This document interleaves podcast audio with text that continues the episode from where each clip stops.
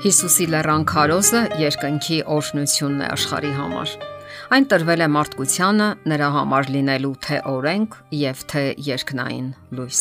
Հույս եւ սփոփանք հիասթափության մեջ։ Ուրախություն եւ մխիթարություն կյանքի բոլոր դժվար արահետներում։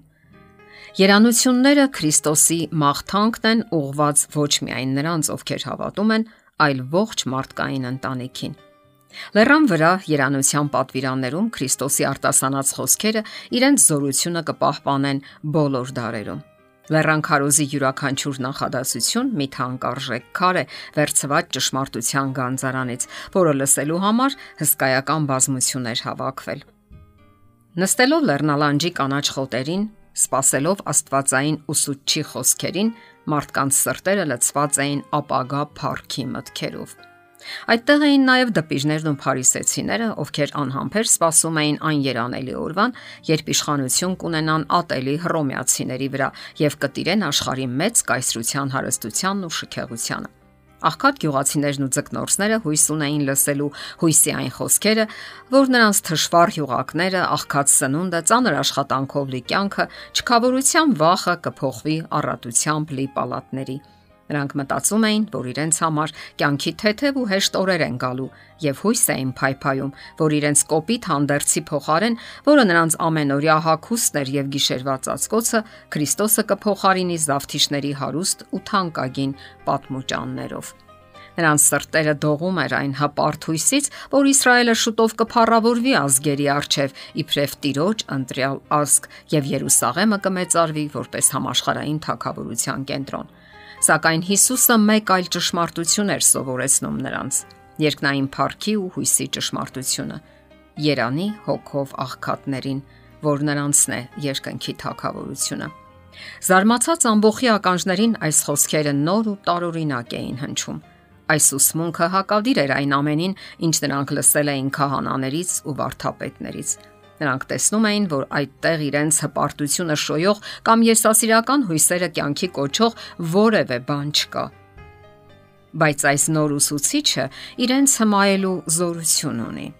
Աստվածային սիրո քաղցրություն էր բխում նրա ներկայությունից, ճիշտ այնպես, ինչպես անուշահոտությունն է բխում ծաղկից։ Նրա խոսքերը հնչում էին ինչպես անձրև հնձած խոտի վրա,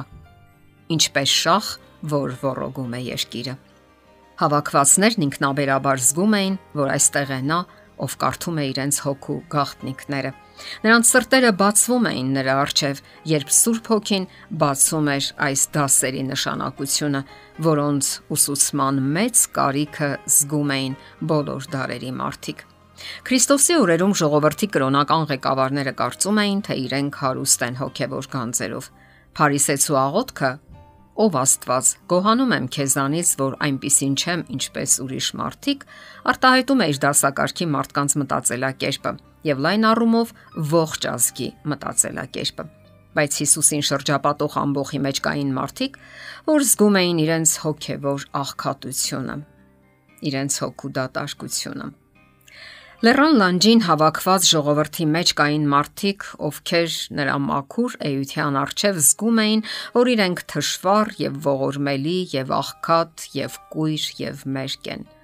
Քրիստոսի խոսքերն այս հոգիներում հույս արտնացրեց, եւ նրանք տեսան, որ իրենց կյանքը գտնվում է Աստծո օրհնության մեջ։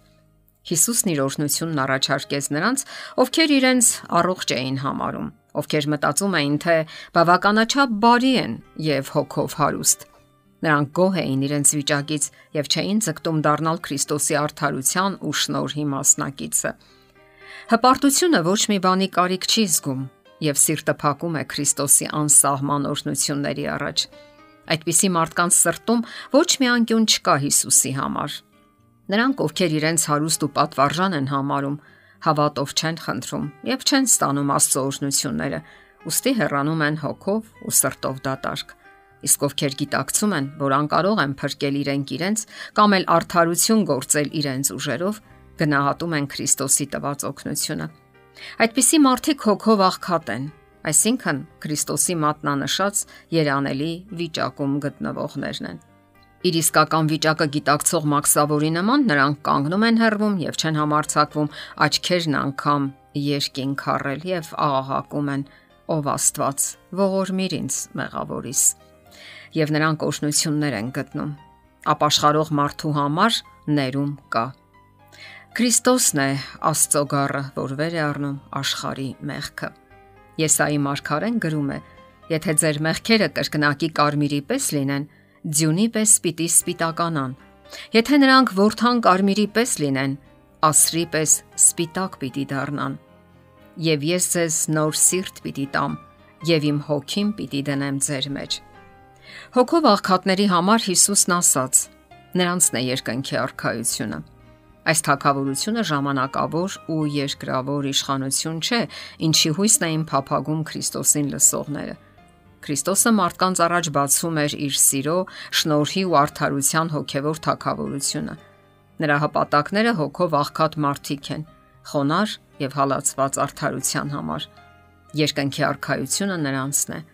Բոլոր նրանք, ովքեր տեսնում են իրենց հոգու խոր աղքատությունը, ովքեր զգում են, որ իրենց ներսում ոչ մի բարի բան չունեն, կարող են արդարություն ու զորություն գտնել, նայելով Հիսուսին եւ հիշելով նրա խոսքերը։